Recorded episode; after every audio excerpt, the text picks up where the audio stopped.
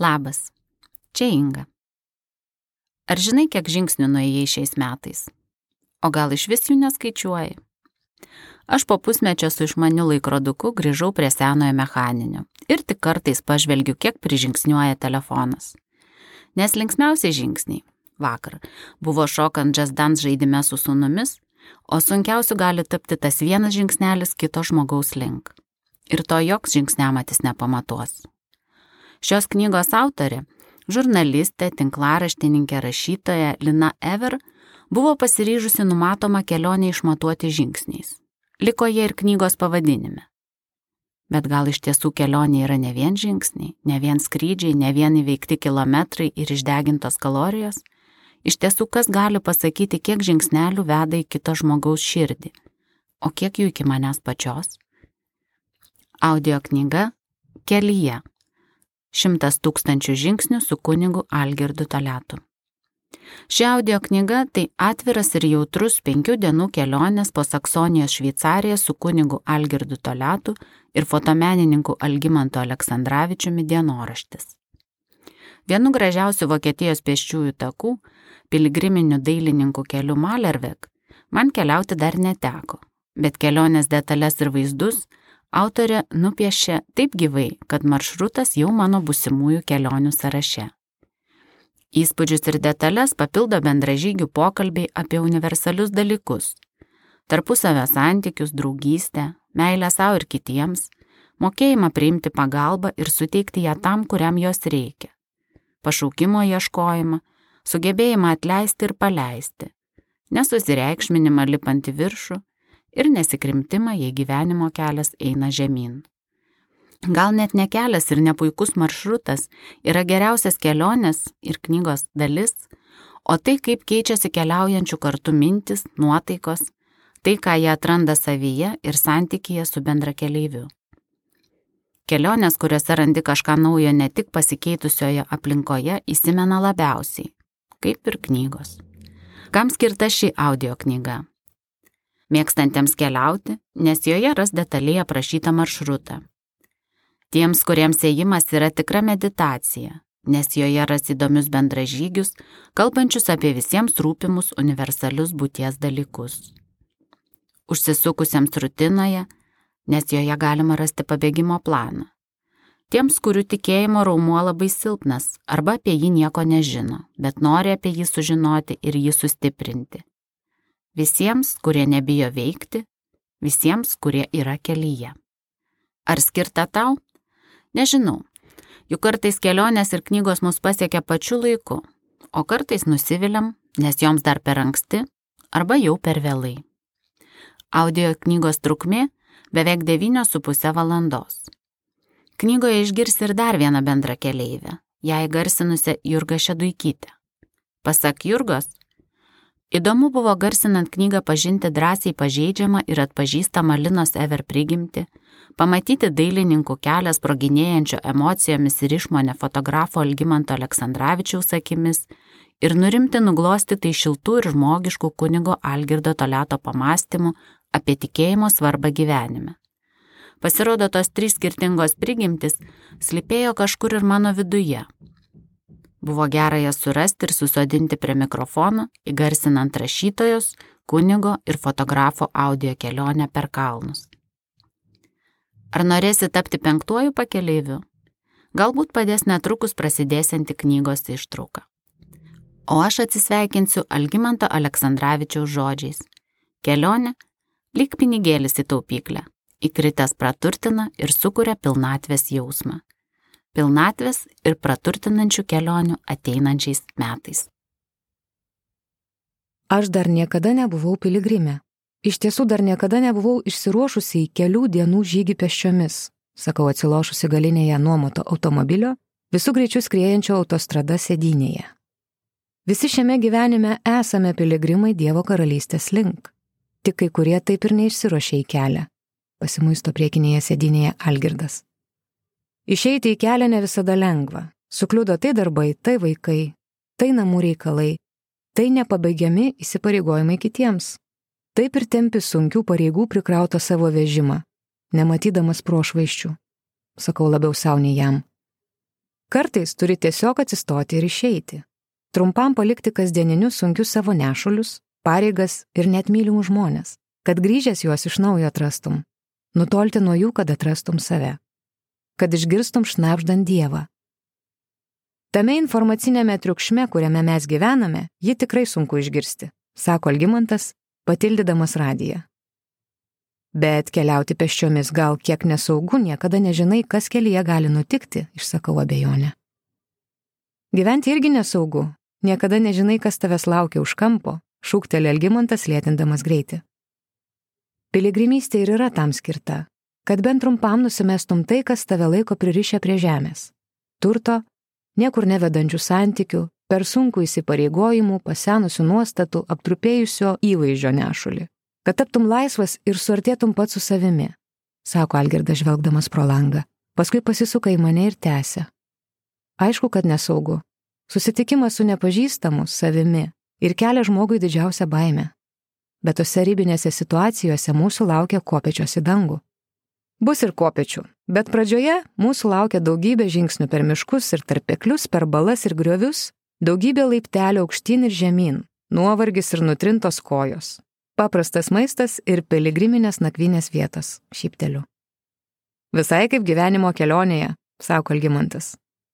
Kaip danguje, taip ir ant žemės, šypsosi kunigas. Įvadas. Visada mėgau pasaulį tyrinėti savo kojomis. Mėgstu meditacinį žingsnių ritmą, mėgstu nepraskristi, nenušokti, nepralėkti dviračių, bet eiti ir stebėti. Ir stebėtis. Vaikščiojimas yra pats lėčiausias keliavimo būdas, todėl jį pasirinkus. Atrodo, kad visas pasaulis pradeda lėčiau suktis. Dienos tampa begalinėmis, ištirpsta praeitis ir ateitis, lieka tik rytas ir vakaras. Ir diena po dienos pradeda džiaugtis mažais dalykais, tokiais kaip švariai paklota lova, sausi drabužiai ir šiltas maistas. Džiaugiesi, kad nepritrynė batai, kad neužklupo liūtis, kad kuprinėje nesineši nieko nereikalingo. Džiaugiesi užlipęs ant kalno ir nusileidęs žemyn. Džiaugiesi gavęs kavos podelį ar radęs uogų miške. Džiaugiesi tyla ir pokalbiais, net jei kalbėsi viso labo pats su savimi. Džiaugiesi net tuo, kad nėra ryšio. Esi atjungtas nuo pasaulio, todėl visiškai laisvas.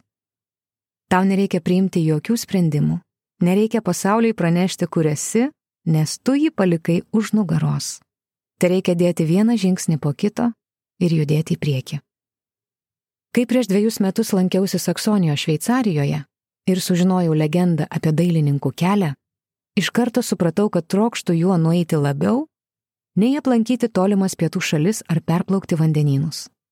Tada ir pagalvojau, kad tai gali būti įdomi piligriminė kelionė per miškus ir uolas, per kalnus ir debesis, kurie suteikia įkvėpimą ne vienam menininkui. Nors piligriminės kelionės tikslas yra ateiti į šventyklą, bet iš tiesų kas žino, kur Dievo daugiau - kalnuose ar tarpekliuose, miškuose ar bažnyčiose, choro gesmėje ar paukščių balsuose. Gal kunigas žino? Nusprendžiau paklausti. Išdėščiau idėją kunigui Algirdui Toletui, tik norėdama palaikymo ir nesitikėdama, kad jis pats ras laiko išeiti į miškus. Ir kad idėja užkrės savo draugą fotografą, nacionalinės premijos laureatą Algimantą Aleksandраvičių. Sakoma, kelionėje daug kas paaiškėja apie tave patį ir apie bendrakeleivius. Bet man nereikėjo aiškumo. Savo pasauliu buvau patenkinta, jis susitvarkiusi ir saugiai įsidėjusi nešiausi kuprinėje. Ėjau į kelią kaip žurnalistė, kaip rašytoja norinti surasti ir suprasti, o galiausiai ir užrašyti laimingo gyvenimo formulę, galbūt padėsiančią kitiems. Norėjau sužinoti patarimų, praktikų, receptų, kaip užmėgsti ryšį su Dievu ir greitai tapti laimingam, turtingam, žymiam, kaip gyventi ir atostogauti, kad pavydėtum pats savo, kaip rasti gyvenimo prasme ir ramybę šiame beproto greitai besisukančiame pasaulyje. Ir visiškai buvau nepasiruošusi stebėti, kaip kunigas Algirdas išvilioja mane iš saugaus bokšto į atvirą lauką. Aštriai žodžiai sugriauna jį mano akise, o man pravirkus prie jo šūkių, liepia statyti namus iš naujo. Nes norint būti laimingam, negalima užsidaryti bokšte, o namus statyti reikia kasdien. Kasdien uždavinėti klausimus, kasdien ieškoti atsakymų ir duonos kasdieninės, ir kasdien išgirsti, kuriuo keliu mus veda Dievas. Penkios mūsų kasdienos ir sudėtos į šią knygą. Pirmoji diena - dugnas - 18 700 žingsnių. Vokietijos rytinėme pakraštyje, kur teka Elbe, o Saksonija ribojasi su Čekijos Bohemija, yra nacionalinis parkas, kuriame veši senos girios ir karaliauja smiltainio uolos.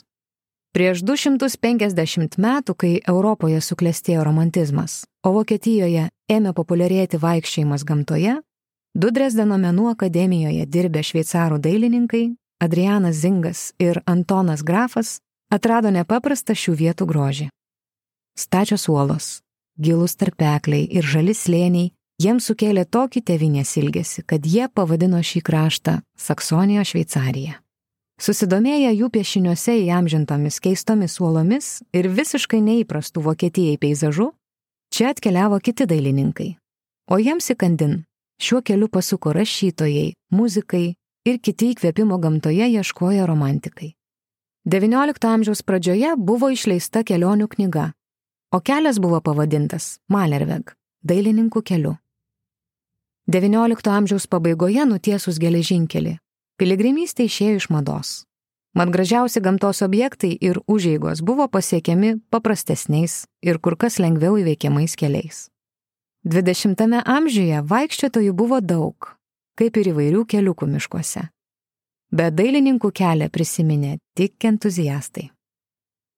Ir tik mūsų 21-ojo amžiaus pačioje pradžioje kai visi pavargę nuo informacijos srauto, nuo kelių ir mašinų, nuo begalinio vartojimo ir pernelyg skubančio pasaulio pradėjo ieškoti atsitraukimo kelių, buvo atgaivintas dailininkų kelio mitas. Pastatytos nuorodos, informacinės lentelės apie senųjų dailininkų tapytus gamtos paminklus, įrengtos nakvynės vietos, išleisti kelionių vadovai ir žemėlapiai keliauninkams. Dailininkų kelias tęsiasi 112 km. Jis yra padalytas į aštuonis etapus arba dienas, kaip kam patinka, po 12-16 km. Saksonijos Šveicarija dabar vadinama viena romantiškiausių Vokietijos vietų, o piligriminis dailininkų romantikų pamėgtas kelias Malervek - gražiausių pėsčiųjų kelių Vokietijoje. Šiuo keliu, kurį greitai atrado šių laikų romantikai, galėjai eiti miškais ir tarpekliais nesutikdamas nei žmogaus. Ten veši šimtamečiai bukai ir stūkso gamtos kaltų išskaptuotos gražiausios skulptūros. Ten senovės milžinai pribarstė didelių akmenų, o upė lik pririštus aitvarus gainioje debesis. Velniai vis dar šoka malūnuose, tiltai pasakoja istorijas, pilise neišdėlė karalių pėtsakai, o nedideliuose nameliuose už mažų langelių su kupliomis gėlėmis gyvena gerieji pasakų personažai. Štai į šį kelią vieną gražią rudens dieną išsirošė fotografas, kuris tikėjo Dievą, kunigas, kuris tikėjo žmonėmis ir rašytoja, kuri tikėjo pasakomis. Pirna yra nedidelis ir mažai pasaulyje girdėtas Vokietijos miestelis, bet jame yra pilis, oranžerija, sodai vadinami mažuoju versaliu, didžiulė gotikinė Šventos Marijos bažnyčia, gražus tiltas per Elbę ir garsioji turgaus aikštė 17 amžiuje nupiešta žymaus Venecijos dailininko Kanaleto. Originalas dabar kabo Dresdeno galerijoje, o miestelio turizmo informacijos centre yra didelė jo reprodukcija. Tad ir čia gali pamatyti, kaip aikštė atrodė prieš 300 metų. Centre dar galima nusipirkti meno albumų ir atvirukų, bet kol mano bendrakeleiviai fotografuojasi prie fontano, aš perku tik žemėlapį. Daugelis pietų Vokietijos miestelių turi panašią nuo viduramžių išlikusią turgaus aikštę su rotušė bažnyčia, penkiais restoranais ir fontanu. Kaip ir nieko ypatinga, Tik Saksonijoje tokių miestelių nedaug. Pamatome namą, kuriame buvo apsistojęs Napoleonas. Apžiūrime 16 amžiaus bažnyčią. Pažvelgėme iš apačios į pilį. Gerai, kad miestelis per karą nebuvo subombarduotas. Blogai, kad neturime laiko ilgiau po jį pasivaikščioti. Čia yra dailininkų kelio pabaiga. Tačiau kitaip nei piligriminėse kelionėse, čia nesvarbus tikslas. Nereikia kelio pabaigoje ateiti į bažnyčią ar užlipti į kalną, kad Dievas išklausytų maldas ir išpildytų vienus ar kitus žmogiškuosius mūsų troškimus. Dailininkų kelio tikslas - pats ėjimas.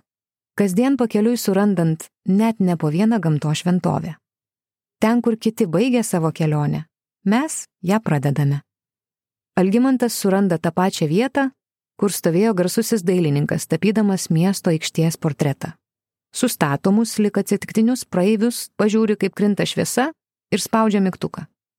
Įdienojus pirmadieniui miestelis tylus ir tuščias.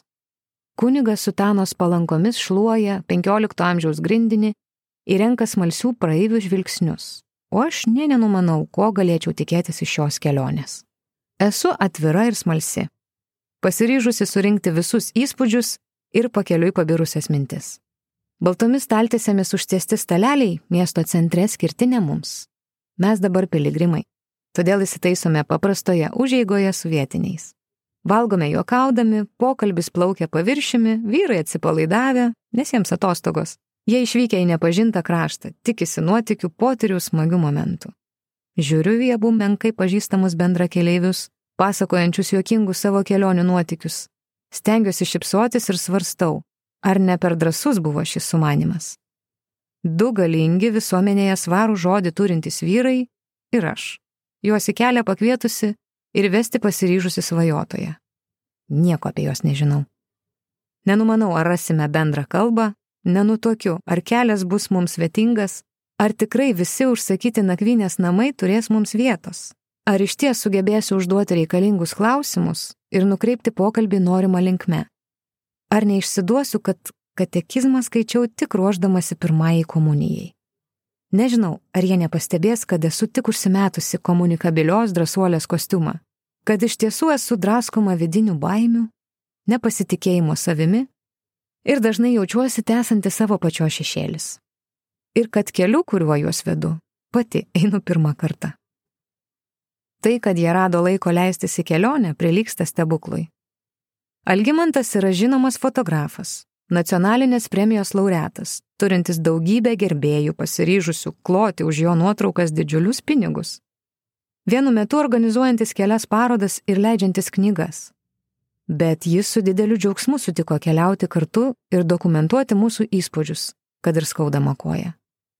Kunigas Algirdas, kurio pamokslai skamba perpildytoje bažnyčioje, knygos šluojamos nuo priekystalių, o žmonės veržiasi į susitikimus, kurio kalendorius pripildytas pamaldų, konferencijų, dalykinių susitikimų, krikštynų ir vestuvių, surado savaitę laiko išeiti į miškus. Jie patikėjo manimi ir mano keliu. Negaliu jų nuvilti. Kelią kūrėme keliaudami. O plaukti išmokstame tik plaukdami, sakė kunigas viename iš savo pamokslų. Tikiuosi, kad tai nebuvo vien žodžiai. Jei yra noras, jei gimsta svajonė, reikia ir eiti paskui ją, o kelias atsiras savaime. Dabar abejonėms nebeturiu laiko. Delno breuna nubraukiu trupinius nuo stalo ir ištingų balsų tariu. Mums metas. Į aikštelę Lybentalio tarpeklėje, kur prasideda dailininkų kelias, žygeivius patogiai atveža autobusas, tiesiai iš pirno stoties. Atvažiuoja toks didžiulis, su garmoške. Iš jo išlipa vienintelis keleivis, vyras su šunimi, bet išlipęs tykiai nužingsniuoja paupy išsirikiavusių kaimo trobelių link.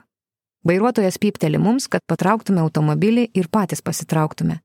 Ir vos išsisukęs tarp didžiulės uolos ir upelio, Visiškai tuščias autobusas nulinguoja siaurų keliukų atgal. Vėlyvo rudens pirmadienį esame čia visai vieni. Mūsų automobilis stovėjimo aikštelėje taip pat vienintelis. Fotografas kenčia kojos skausmus ir negali eiti viso kelio. Todėl dalį maršruto įveiks automobiliu. Mums taip irgi lengviau.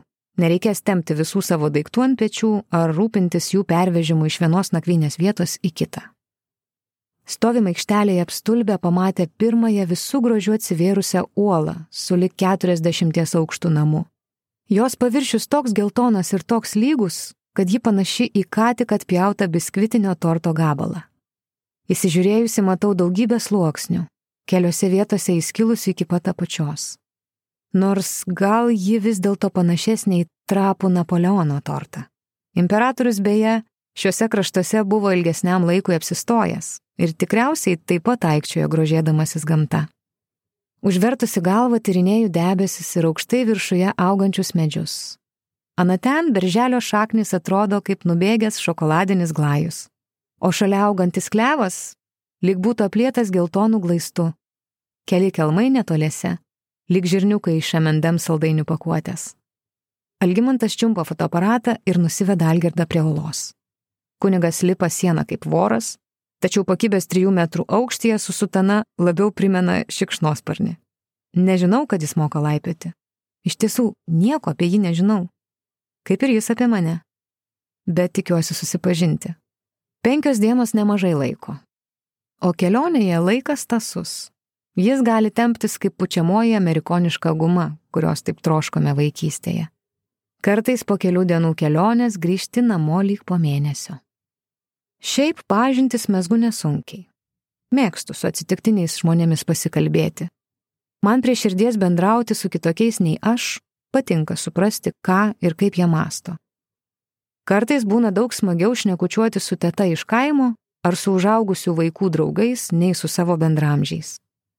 Bet kunigas čia jau visai kito kietumo riešutėlis. Baugu, kad nelieptų žegnotis prieš valgant ir poteriauti prieš užmiegant. Pamenu, mano tėčio teta dirbo pas kunigą, kažkur suvalkyjoje. Vaikystėje dažnai užvažiuodavome į tą medinę dviejų galų trobą, kur buvo klebonija. Kambaryje stovėjo pieninas, o gal net maži vargonėliai.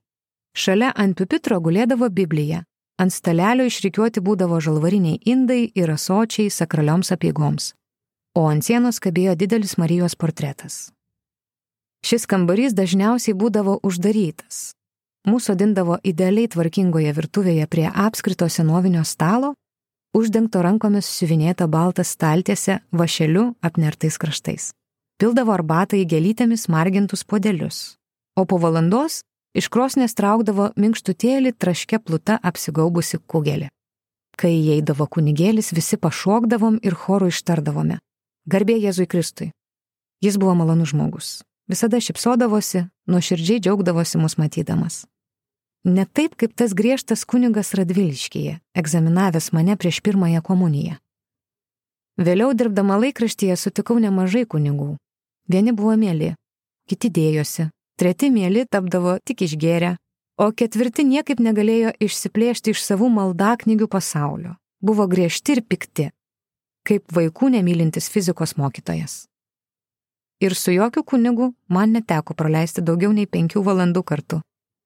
O dabar turėsiu išbūti net penkias dienas. Fotografas tupinėja ieškodamas rakurso, kunigas siubuoja ant gelsvos uolos, Iš po jo pirštų trupas smėlis, jis ieško kitų atramos taškų ir aš suprantu, kad man prieš akis vyksta pirmasis kūrybinis aktas. Kitaip ir būti negali, juk mes esame menininkų kelyje. Tiksliau sakant, tuoj būsim. Stoviu šalia informacinio stendo, žiūriu į žemėlapį, į nuorodas, kur prasideda mūsų kelias ir nežinau, kodėl jis užtvertas baltą ir raudoną įspėjamąją juostą. Prieinu arčiau. Lietaus paplautų keliu dėl akmenų grūties Eiti draudžiama. Taip ir parašyta. Verbotin. Taukšteliu delnu savo per kaktą. Tokia nesėkmė nuo pat pradžių. Atsiverčiu kelionės vadovą ir karštlygiškai galvoju, kokiu kitu keliu nueiti iki didžiausio pasaulyje Richardo Wagnerio paminklo. Jei eitume uždraustuoju keliu, jį pasiektume per ketvirtį valandos. Tačiau kiek laiko užtruksime eidami aplinkui, nė neįsivaizduoju. Paklausti irgi nėra ko. Jau valanda po vidurdienio, o mes dar nežengiam nežingsnio tikslo link. Trypčiau nervingai net padai niešti, kaip noriu eiti. Noriu būti kelyje, noriu nustoti galvoti ir planuoti, o atsiduoti keliui ir pagaliau užmėgsti kažkur vedantį pokalbį. Bet Vokietijoje gyvenu ne pirmus metus. Negaliu peržengti užrašo Ferbotin. O versti kunigą pažeisti taisyklės vos prasidėjus kelioniai, tai jau turbūt būtų nuodėmė. O kodėl negalime eiti? Menininkų kelio pradžia juk čia? Klausė Algirdas, audamasis torapadžius kalnų batus. Nes parašyta Ferbotin, rodau juostą užtvertą kelią. Algirdas abejingai trukteli pečiais. Norėčiau paklausti, ką jis apie tai mano, bet kol kas nedristu. Jis daug kas lepia po šypsniais, kol kas negaliu atspėti ką. Apvažiavę didelį ratą, pagaliau laukose randam mašinų stovėjimo aikštelę. Keliolika minučių paklaidžioje randam keliuką žemyn. O ne, ir vėl sušunku. Jis užtvertas vėlinė dviejų metrų tvora. Tokia stato per didelius koncertus žmonių srautams reguliuoti. Tokiomis statybininkai aptveria pavojingas teritorijas. Ant tvoros mažas lapelis, o ant jo didelėmis raidėmis parašyta Verboten. Vėl akmenų griūties pavojus. Panašu, kad vieną vokišką žodį jau išmokom, juokėsi Algirdas. Nebemoku nuslėpti susierzinimo. Nesu įtin didelė Wagnerio gerbėja, bet šis paminklas unikalus, pastatytas 1933 metais nuo šalioje vietoje išprotėjusio dėl jo muzikos skulptoriaus Richardo Gūro. Turim ten nueiti. Spirėsi ir fotografas tiesiog dievinantis jo muziką. Aišku, kad einam, kas mums gali uždrausti, sako jis ir stipriu judesiu trukteli tvorą. Tuščioje gatvelėje nei vieno žmogaus, kiemų varteliai taip pat uždaryti. Baukščiai dairausi, ar neatsiras vokiečio, kuris paslaugiai iškviestų policai. O kartu laukiu kunigo žodžio. Noriu perleisti jam kaip kokiam mokytojui ar policininkui atsakomybę už mūsų rizikingus sprendimus.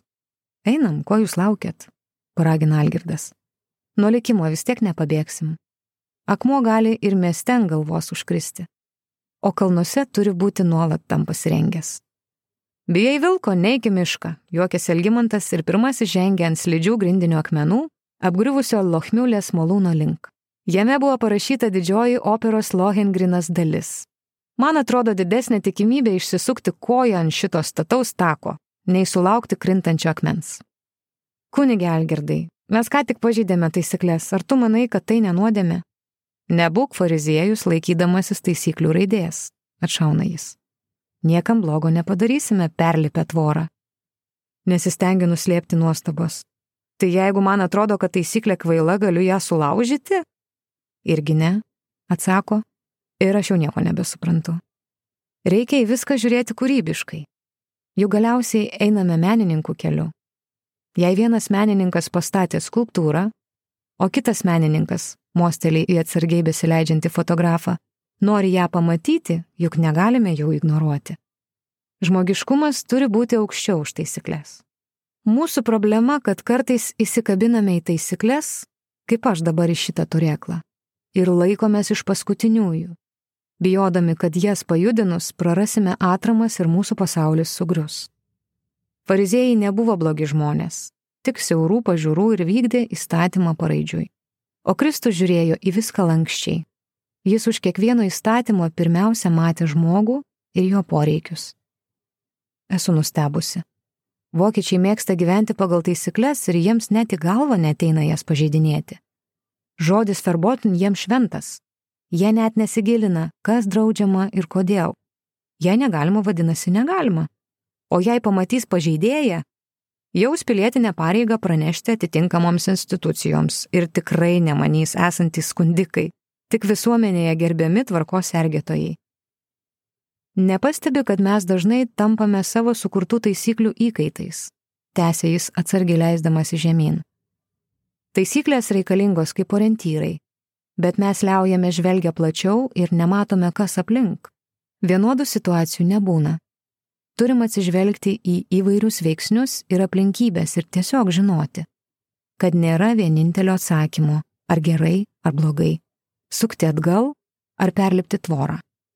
Kartais per tokį trumparegiškumą kaip tik pasukame klaidingais keliais, o kartais darome tokį didžiulį lankstą, kad net patį tikslą pamirštame. Bet jei dabar atvažiuotų policija, tikrai užsidirbtume baudą, sakau. Jei policininkai laikytųsi įstatymo kaip fariziejai, tada turbūt užsidirbtume. Juokėsi jis atsipalaidavęs o aš baukščiai žvilgteliu viršun, ar nepamatysiu jų šviturėlio. Suvaržęs menininko laisvę ir neleidęs jam pasisemti įkvėpimo, turbūt padarytum didesnę žalą nei perlepęs tvorą. Įstatymas sukurtas žmogui padėti, skaitomas pažodžiui, kartais gali tapti žudiku. Galima suimti fotografą ir laikyti jį belangėje penkias dienas, o galima jam leisti eiti toliau, prisėmus riziką ant savo pečių ir tikėtis, kad jis padarys nuostabių kadrų, kurie paskui įkvėps kitus žmonės geriems darbams. Tai ką renkiesi - įstatymą ar žmogiškumą? Trukteliu pečiais ir leidžiuosi toliau. Šlapi spalvoti lapai taip tankiai nukloja keliuką, kad beveik nebematyti kelių šimtmečių senumo grindinio akmenų. Turiu žiūrėti, kad neslysteltų koja, nors žvilgsnis bėga tolyn, kur kalno papėdėje boloja apleistas malūnas. Apsiniaukusią rudens dieną jis atrodo širpokas, bet kartu ir labai romantiškas. Įvairias spalviai lapai guli ant aptrupėjusių malūno čerpių. Jų prikritę už senai nevarstytų langinių, į lietvamžius ir tuščius gėlių vazonėlius. Versdamasis per neaukštą užtvanką, šniokždama žemyn alma vanduo. Mes lendame pro išlikusią malūno arką. Iš abiejų pusių suspausta uolų su išlikusiu romantišku kambarėliu virš jos. Atrodo, tolumoje net galėtum išgirsti paskutinio vokiečių kompozitoriaus romantiko Richardo Wagnerio akordus. Kad ir kaip būtų netikėta, iš tiesų po kelių minučių juos išgirstame. Prie didingo į uolą atsirėmusio paminklo pastatytas garsekalbis, iš kurio paspaudus mygtuką pasigirsta Lohengrino operos uvertiūros garsai. Lietai garsėjanti muzika atrodo pažadina ir paminklą, ir malūną. Viskas atgyja, sušniokščia. Muzikos ritmu lietai sukasi lapai, stiebėsi žolės, krenda vabaliukai. Nenukrypdamas nuo partitūros čiurlena upelis mes bijom kalbėti. Stovim visiškai vieni, apstulbę pakerėti reginio, šiek tiek besijaučiantis nejaukiai, lyg nepriklausytume šiai vietai. Lyg į didingą spektaklį būtume prasmukę be bilietų. Muzikos energija kyla, auga, veržiasi, o kulminacijoje, sužvangus lėkštėms, girdžiu, kaip nuo olos dardėdamas nurėda akmuo. Turbūt šiame malūne vis dar gyvena kipšas, šnapždu tyliai, nes kol kas nežinau, ką apie juos galvoja kunigas Algirdas. Tarp uolų įspraustas malūnas per 500 metų nekarta degė, nekarta buvo sugriautas akmenų griučių, o paskutinis jo šeimininkas žuvo pakliuvęs į malūno ratą. XIX amžiuje čia buvo svečių namai, kuriuose apsistodavo daugelis menininkų romantikų keliaujančių dailininkų keliu. Čia pasisemti ramybės ir įkvėpimo atvykdavo ir Dresdene tuomet dirbęs žymusis kompozitorius. Dabar jau 30 metų malūnas stovi apleistas ir kažkas aiškiai trukdo jo atnaujinimo darbams. Beprotiškai gražu, sušunka fotografas. Dieviškai gražu, pritarė kunigas. Pasakiškai gražu, neišlaikau ir aš. Tai buvo aukščiausio lygio spektaklis gamtai. Jei stebėčiau jį su kitais keliautojais, įspūdis turbūt būtų silpnesnis, bet tykų rudens pirmadienį, kai aplink negyvos dvasios, Uvertiūra suvirpina vidaus stygas daug stipriau nei spektaklis Dresdeno Semperio operos teatre. Wagneris jau 85 metus, kaip savo sukurtos operos personažas Lohengrinas, Švento Gralio riteris ir tiesos ieškotojas stovi giliai miškuose, ne kiekvienam prieinamoje vietoje. Stovi uolos užuovėjoje, tvirtai įsispyręs kojomis į žemę, apsuptas penkių mūzų, po kojomis čiurlena upelis, vešliai žaliuoja samanos, ir kiekvieną rudenį medžiai pažiūrė spalvotą konfetį. O jis stovi ir klausosi, kaip jo kūryba dera su rūščia šios vietos gamta, žiūri į apstulbusius keliautojus nesitikėjusius tokio reginio siaurame lybentalio tarpeklėje ir išdidžiai šypsosi. Lyg seniai būtų įminęs šventojo gralio paslapti. Pagarbiai kokioj šventykloje lipu samanotais postamento laiptais aukštyn prie bronzinio paminklo. Šalia akmenyje išskaptuotas dubenėlis, klidinas lietaus vandens, pribiręs lapų. Lyg pagoniškas aukuras, lyg šventinto vandens dubuo bažnyčioje, prie kurio pamaldžiai pritupiu ir žvelgiu į atsispindinčius debesis. Visas mūsų gyvenimas tik atspindys mažoje balutėje. Tik dalelytė kažko didingo, pagalvoju. Tik uvertiūra.